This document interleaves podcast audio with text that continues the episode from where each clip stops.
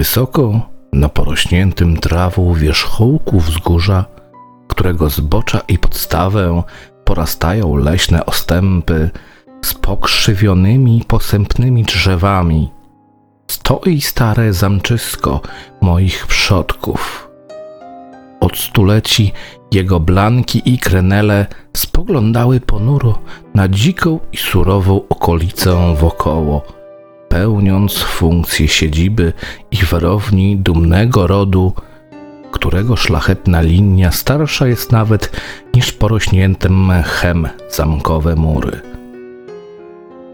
Owe stare, nadgryzione zębem czasu wieżyce składały się ongi jeszcze w czasach feudalizmu na jedną z najbardziej przerażających i strasznych fortec w całej Francji. Z jego machikułowych gzymsów i podwyższonych blanków odpierano ataki baronów, hrabiów, a nawet królów. Na tyle skutecznie, że jego przestronne komnaty nigdy nie rozbrzmiewały echem kroków najeźdźców. Jednak w miarę upływu czasu wszystko się zmieniło. Lata chwały należały już do przeszłości. Ubóstwo, graniczące z nędzą, w połączeniu z dumą naszego imienia, nie pozwalającą na złagodzenie tego stanu poprzez prowadzenie kupieckiego trybu życia, stało się przyczyną, iż moi przodkowie nie zdołali utrzymać posiadłości w stanie dawnej chluby i chwały. Zaś odpadające od gsymsów kawałki kamieni, chwasty pieniądze się w parkach, wyschła fosa, źle wybrukowane dziedzińce i chylące się ku upadkowi zewnętrzne wieże, podobnie jak zapadające się posadzki, zżarta przez korniki boazeria i wyblakłe gobeliny. Wszystko to zdawało się opowiadać posępną historię o czasach minionej świetności. W miarę upływu wieków, najpierw jedna, potem zaś druga z czterech wież została opuszczona i pozostawiona, by obrócić się w ruinę. Na koniec nieliczni już potomkowie potężnych ongi władców majątku zagnieździli się w ostatniej wieży. To właśnie w jednej z ogromnych komnat owej wieży przyszedłem na świat ja, Antoine, ostatni z nieszczęsnych, przeklętych hrabiów de Sea, dziewięćdziesiąt długich lat temu. W tych murach i pośród mrocznych, cienistych ostępów leśnych, dzikich wąwozów i grot na zboczu, wzgórza poniżej, spędziłem pierwsze lata mego burzliwego życia – nie znałem moich rodziców. Ojciec zginął w wieku lat 32, zabity przez kamień, który jakimś sposobem odpadł od gsymsu jednej z opuszczonych wież na miesiąc przed moim przyjściem na świat. Matka umarła w połogu, a opiekę nade mną i moją edukacją przejął ostatni z zamkowych sług stary, wierny człowiek o wybitnej inteligencji, którego imię brzmiało, jak pamiętam, Pierre. Byłem jedynakiem i doskwierał mi brak towarzystwa, który był wynikiem osobliwego stylu wychowania, narzuconego mi przed podstarzałego opiekuna nie pozwalającego na spotkanie się z dziećmi wieśniaków, bawiącymi się zwykle na równinach u podnóża wzgórza. Pierre powiedział, że zakaz ten obowiązywał mnie dlatego, iż jako szlachetnie urodzonemu nie uchodziło mi przebywać w towarzystwie ludzi z plebsu. Teraz wiem jednak, że chciał w ten sposób nie dopuścić, bym usłyszał pogłoski o przerażającej klątwie, jaka ciążyła na naszym rodzie, o której plotki krążyły dość szeroko, rozgłaszane i ubarwiane przez wieśniaków opowiadających je sobie nawzajem, z podnieceniem i ze zgrozą, wieczorami przy rozgrzanych przyjemnie kominkach ich chat.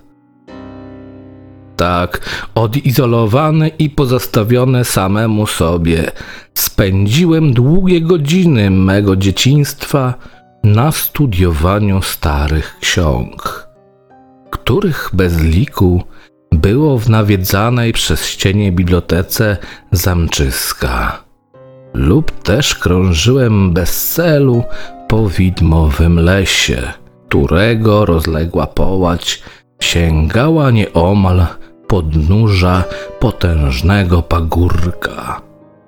Być może wskutek takiego, a nie innego otoczenia, mój umysł bardzo wcześnie ogarnęła mgiełka melancholii.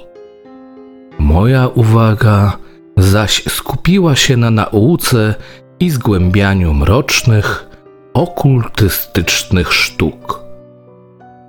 O moim rodzie powiedziano mi możliwie jak najmniej. Niemniej nawet tak skąpy zapas informacji zdołał wprawić mnie w tęgie przygnębienie. Być może to wahanie, z jakim mój stary opiekun rozmawiał ze mną o moich przodkach, spowodowało pojawienie się w mym sercu dojmującej zgrozy, która narastała z każdą wzmianką o moim wielkim domu. Kiedy przestałem być dzieckiem, zdołałem zrozumieć oderwane fragmenty rozmów, przejęzyczenia i zapomnienia, które staruszkowi w miarę upływu lat zdarzały się coraz częściej i połączyłem je z pewną okolicznością, która zawsze wydawała mi się dziwna. Teraz zaś uważałem ją za jawnie przerażającą. Okoliczność, o której wspomniałem, to młody wiek, w jakim hrabiowie z mego rodu rozstawali się z tym światem. Początku uważałem to za rzecz zwyczajną, sądząc, iż być może należeliśmy do rodu ludzi żyjących krótko z natury. W końcu jednak zacząłem zgłębiać szczegóły poszczególne przedwczesnych zgonów i łączyć się z dygresjami staruszka, który często mówił o klątwie, jaka przez stulecia nie pozwoliła kolejnym dziedzicom mego tytułu na przeżycie więcej niż 32 lat. Na 21 urodziny otrzymałem od Piera rodzinny dokument, który, jak mi powiedział, przechodził od wielu pokoleń z ojca na syna i trafiał w ręce kolejnych spadkobierców tytułu. Jego treść była doprawdy wielce osobliwa. I gdy przeczytałem go z uwagą, potwierdziły się moje najmroczniejsze przypuszczenia. Moja wiara w rzeczy nadnaturalne była wówczas bardzo silnie zakorzeniona, w przeciwnym bowiem razie nawet nie zadawałbym sobie trudu, by rzucić okiem na ów pożółkły ze starości dokument. Przeniósł mnie on do mrocznych lat XIII wieku, kiedy stare zamczysko, w którym się znajdowałem, było przerażającą, straszliwą, niezdobytą fortecą. Na kartach dokumentu zawarta była historia o pewnym starcu, który mieszkał ongi w naszym majątku, człowieku wielce utalentowanym, choć był on jedynie prostym wieśniakiem o imieniu Michel, do którego dodawano zwykle przydomek Małwa, to znaczy zły. Cieszył się on skądinąd zasłużoną paskudną reputacją. Studiował nauki nieznane jego ziomkom, poszukując rzeczy takich jak kamień filozoficzny czy eliksir wiecznego życia. I, jak głosiła fama, posiadał ogromną wiedzę z zakresu czarnej magii i alchemii. Michel Mawa miał jednego syna imieniem Charles, młodzieńca biegłego podobnie jak on w tajemniczych sztukach, zwanego Le Sorcier, czyli czarownik. Para ta, unikana przez wieśniaków, podejrzewana była o najbardziej odrażające praktyki. Mówiono, że Michel spalił żywcem swoją żonę, by złożyć ją w opierze diabłu. Tym dwóm przerażającym indywiduom przypisywano również niezliczone i niewyjaśnione zaginięcia dzieci tutejszych wieśniaków. Pomimo mrocznej natury, przejawianej tak przez ojca, jak i przez syna, ich ciemne dusze rozjaśniał jeden i jedyny promyk człowieczeństwa. Zły starzec z całego serca kochał swojego syna, podczas gdy młodzieniec darzył swojego ojca bardziej niż synowskim afektem. Którejś nocy na zamku powstało nieopisane zamieszanie, spowodowane zniknięciem młodego Godfreya, syna hrabiego Henry. Grupa poszukiwawcza z odchodzących od zmysłów ojcem na czele przybyła do chaty czarowników i natknęła się tam na Michela Mauva, gotującego coś w ogromnym, buchającym parą kotle. Bez konkretnej przyczyny, w nagłym przypływie wściekłości i rozpaczy, hrabia rzucił się na starego czarownika i zaczął go dusić nie rozluźnił uścisku, dopóki ze starca nie uszły resztki życia. Tymczasem rozradowani służący oznajmili o odnalezieniu panicza Godfreya w odległej i niewykorzystywanej komnacie wielkiego zamczyska, stwierdzając tym samym, choć po nie w czasie, że Michel Mava umarł na próżno. Kiedy hrabia jego towarzysze odwrócili się od stygnącego zwolna ciała starca, z pomiędzy drzew wyłoniła się posępna sylwetka Charlesa Le Sorcier. Zdenerwowani służący wyjaśnili mu, co się stało. Jednak mężczyzna przez chwilę wydawał się nieporuszony śmiercią ojca. Nagle Podchodząc wolno do hrabiego, dobitnie wypowiedział przerażające słowa klątwy, która od tej pory spędzała sen z powiek kolejnym dziedzicom rodu Dessi. Niechaj nigdy szlachcic twego rodu nie przeżyje więcej lat niż ty. Po czym, odskoczywszy w tył, w drzew, wyrwał z pomiędzy fałd swej tuniki fiolkę bezbarwnego płynu i cisnąwszy ją w twarz mordercy swojego ojca, rozpłynął się w mroku nocy. Hrabia skonał na miejscu i pogrzebano go następnego dnia, w kilka godzin po jego 32 urodzinach. Nie odnaleziono śladu zabójcy, pomimo iż grupki uzbrojonych wieśniaków przeczesały okoliczne lasy i pastwiska wokół wzgórza. Czas i brak kogoś, kto mógłby przypomnieć o niej, zatarł wspomnienia klątwy w umysłach rodziny zmarłego hrabiego. To też kiedy Godfrey, mimowolny sprawca całej tragedii, zginął przyszyty strzał na polowaniu w wieku lat 32, jedyną reakcją był smutek i żal wywołany jego przedwczesnym odejściem. Kiedy jednak Wiele lat później następny hrabia imieniem Robert został znaleziony bez życia na pobliskim polu i nie wykryto konkretnej przyczyny jego zgonu. Wieśniacy poczęli szeptać, że ich senior na krótko przed spotkaniem ze śmiercią skończył 32 lata. Louis, syn Roberta, w tym samym wieku co ojciec, utopił się w zamkowej fosie. I od tej pory upiorna kronika przerażających wypadków ciągnie się przez całe stulecia. Henry, Robertowie, Antoanowie i Armandowie.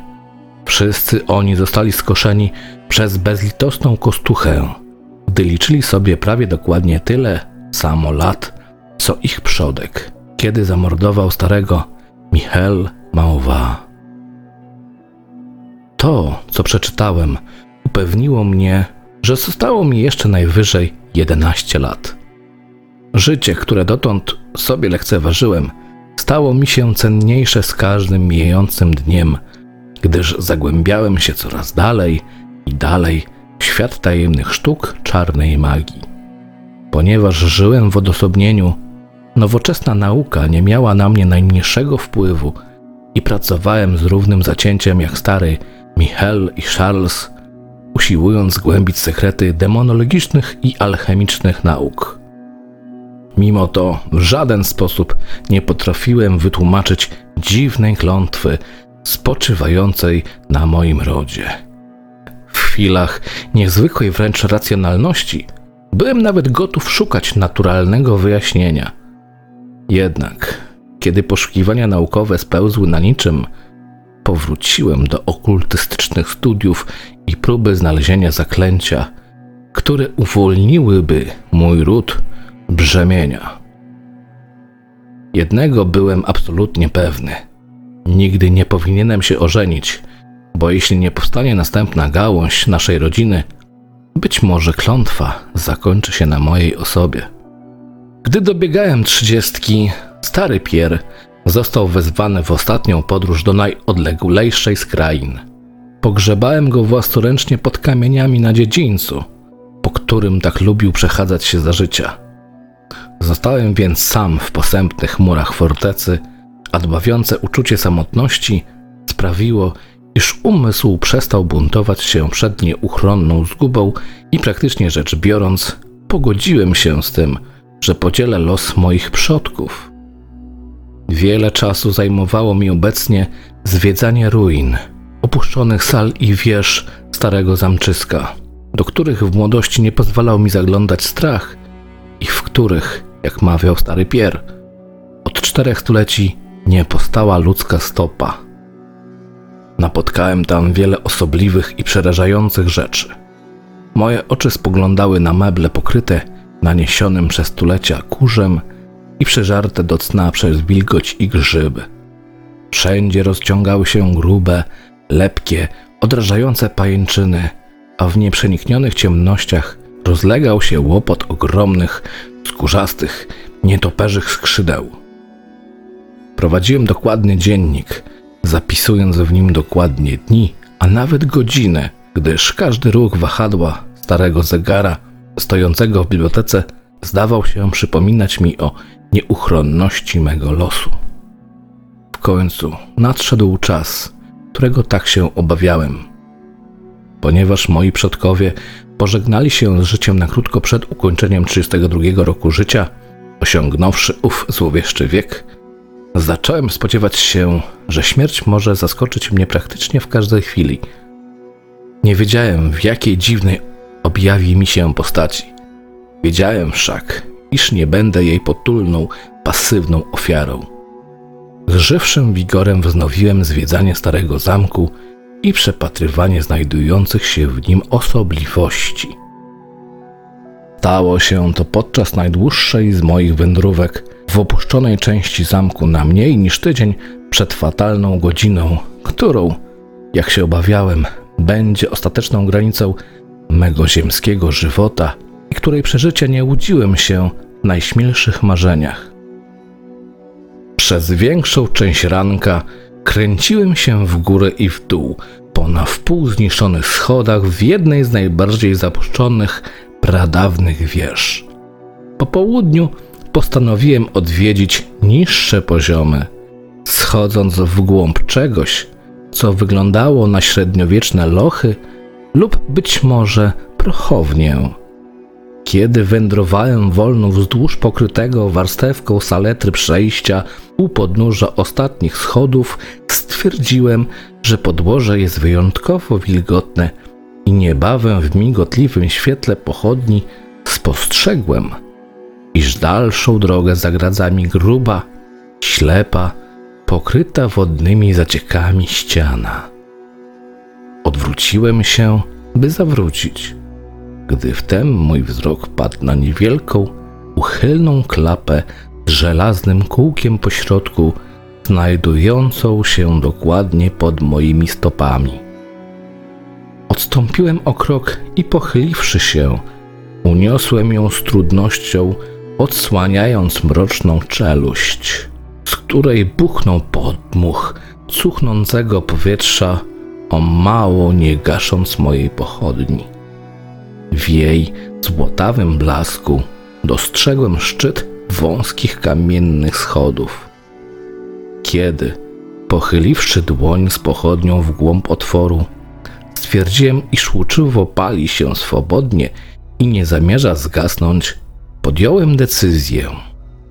Stopni było sporo i prowadziły one do wąskiego kamiennego korytarza, który, o czym byłem przekonany, musiał znajdować się głęboko pod powierzchnią ziemi. Był on, jak się okazało, bardzo długi i kończył się masywnymi dębowymi drzwiami ociekającymi wilgocią i uparcie opierającymi się podejmowanym przeze mnie próbom ich otwarcia. Gdy po pewnym czasie zaprzestałem próżnych wysiłków i zawróciłem ku schodom, przeżyłem najbardziej zdumiewający, mrożący krew w żyłach szok, jaki jest w stanie ogarnąć ludzki umysł. Nagle, bez ostrzeżenia, usłyszałem, jak ciężkie drzwi za moimi plecami otwierają się powoli, przy wtórze skrzypienia zardzewiałych zawiasów. Moich pierwszych wrażeń po prostu nie sposób opisać.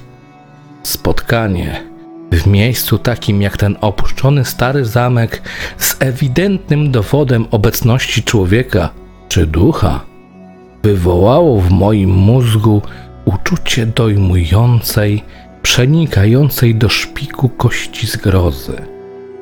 Kiedy się w końcu odwróciłem i spojrzałem w kierunku źródła dźwięku, skamieniałem z przerażenia. W prastarych, gotyckich drzwiach stał jakiś człowiek. Był to mężczyzna noszący długą, ciemną, średniowieczną tunikę i myckę. Jego długie włosy i gęsta broda miały przeraźliwy, ciemny odcień.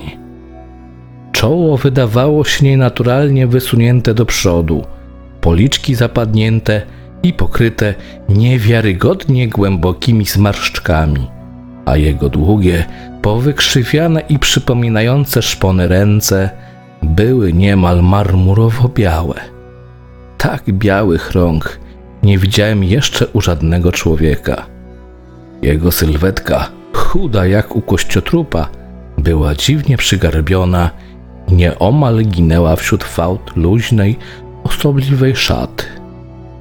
Najbardziej zdumiewające były jednak jego oczy. Bliźniacze jaskinie bezdennej czerni, przepełnionej zrozumieniem i wiedzą, nasycone jednak robaczywym, niemal namacalnym złem. Wpatrywały się teraz we mnie, przeszywając mą duszę jadem nienawiści i sprawiałem, że stałem w bezruchu, jak wrośnięty w ziemię. Wreszcie postać przemówiła tubalnym głosem, który zmroził mnie do szpiku kości swą pustką i nieskrywaną wrogością. Język, jakim posługiwał się ów mężczyzna, był pełną formą łaciny używanej przez średniowiecznych uczonych i którą uznałem dzięki zgłębieniu rozlicznych dzieł starych alchemików i demonologów. Widmo powiedziało mi o klątwie, która wisiała nad mym rodem, o moim zbliżającym się końcu, o morderstwie Michaela Mauva popełnionym przez mego przodka i o ubojnej zemście Charlesa Le Sorcier. Nieznajomy opowiedział mi również o tym, jak młody Charles, zniknąwszy w roku nocy, powrócił wiele lat później, by zabić hrabiego Godfreya na polowaniu, kiedy dziedzic osiągnął określony wiek, zbliżony do wieku, w jakim jego ojciec dokonał okrutnego zabójstwa, oraz o tym, jak potajemnie powrócił do zamczyska, gdzie, niezauważony przez nikogo, zamieszkał w podziemnej komnacie, w drzwiach której stał obecnie upiorny narrator o tym, jak dopadł Roberta, syna Godfreya, na polu i napoiwszy go przemocą, trucizną. Pozostawił 32-letniego mężczyznę na śmierć w długich męczarniach, wypełniając tym samym złowrogie słowa swej klątwy. W tym momencie pozostawiona została w sferze domysłów kwestia rozwiązania najważniejszej tajemnicy. W jaki sposób mianowicie klątwa mogła trwać przez stulecia, skoro niewątpliwie musiał nadejść taki dzień, iż Charles Le Sorcier rozstał się z życiem. Mężczyzna bowiem zmienił temat i zajął się opowieścią o alchemicznych badaniach dwóch czarowników, ojca i syna, mówiąc przede wszystkim o badaniach Charlesa Le Sorcier dotyczących eliksiru, który dałby pijącej go osobie wieczne życie i młodość. Jego entuzjazm na krótką chwilę przygasił płonący w jego oczach płomień nienawiści, która w pierwszej chwili tak mnie przeraziła, ale nieoczekiwanie wrogość powróciła i z głośnym, wężowym syknięciem obcy uniósł trzymaną w dłoni szklaną fiolkę, zamierzając, jak się domyśliłem, zakończyć mój ziemski żywot w taki sam sposób, jak Charles Le Sorcier przed 600 laty uśmiercił mojego przodka. Kierowany dziwnym instynktem przetrwania, zerwałem wiążące mnie niewidzialne okowy lęku i cisnąłem dogasającą już pochodnie w upiorną postać, stanowiącą dla mnie śmiertelne zagrożenie. Usłyszałem trzask pękającej i niegroźnej już fiolki, roztrzaskującej się o kamienną posadzkę, gdy tunika dziwnego mężczyzna zapaliła się, oświetlając całe pomieszczenie upiornym, krwisto-pomarańczowym blaskiem. Wrzask przerażenia i bezsilnej wściekłości wydany przez niedoszłego zabójcę był zbyt wielkim ciężarem dla moich starganych nerwów i zemdlony runąłem na śliską, wilgotną posadzkę. Kiedy doszedłem do siebie, wszystko tonęło w przerażającej ciemności, a mój umysł na krótką chwilę sparaliżowała zgroza, że mógłbym ujrzeć coś więcej. Niemniej jednak ciekawość okazała się silniejsza. Kim, zapytywałem sam siebie, był ów zły człowiek i w jaki sposób znalazł się w murach tego zamczyska? Dlaczego szukał zemsty za śmierć Michel Mauva i w jaki sposób klątwa przetrwała stulecia po śmierci Charlesa Le Sorcier?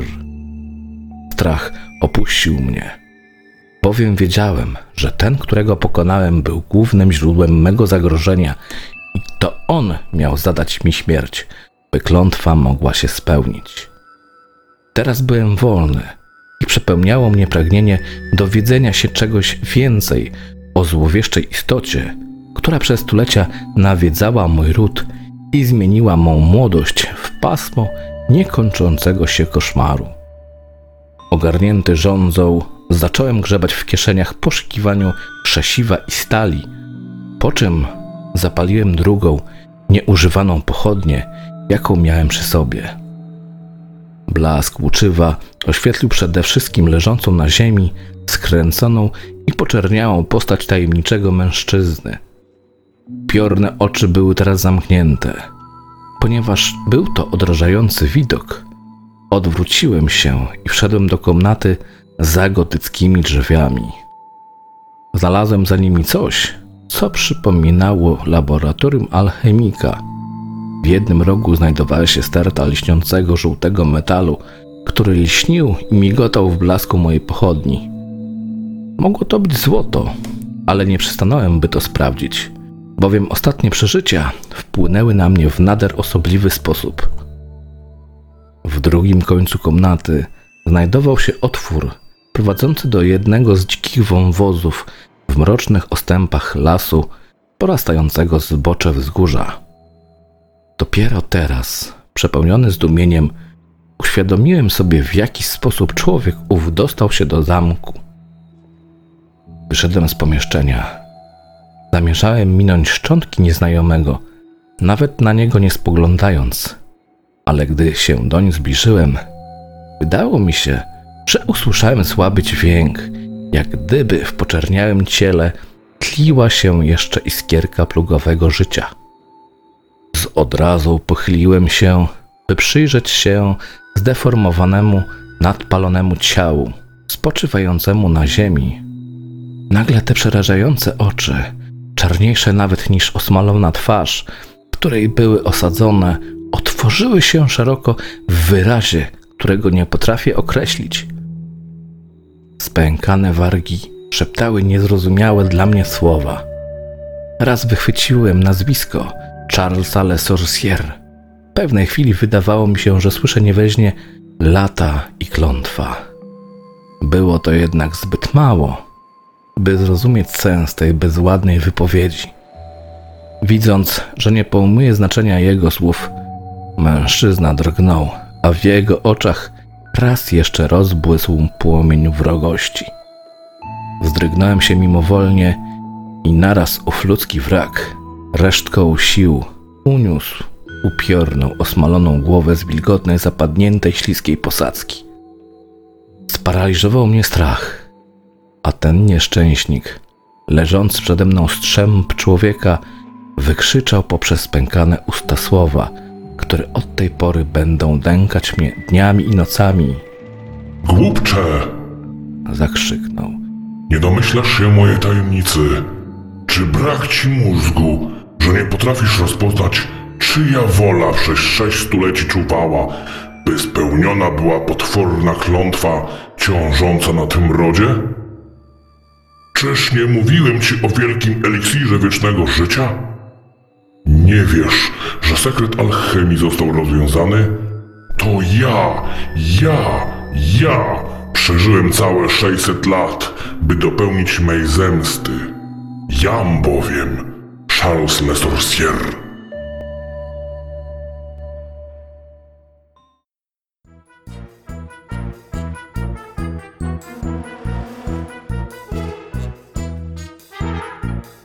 Czytał Krystian Kieś. Zapraszam do subskrypcji mojego kanału.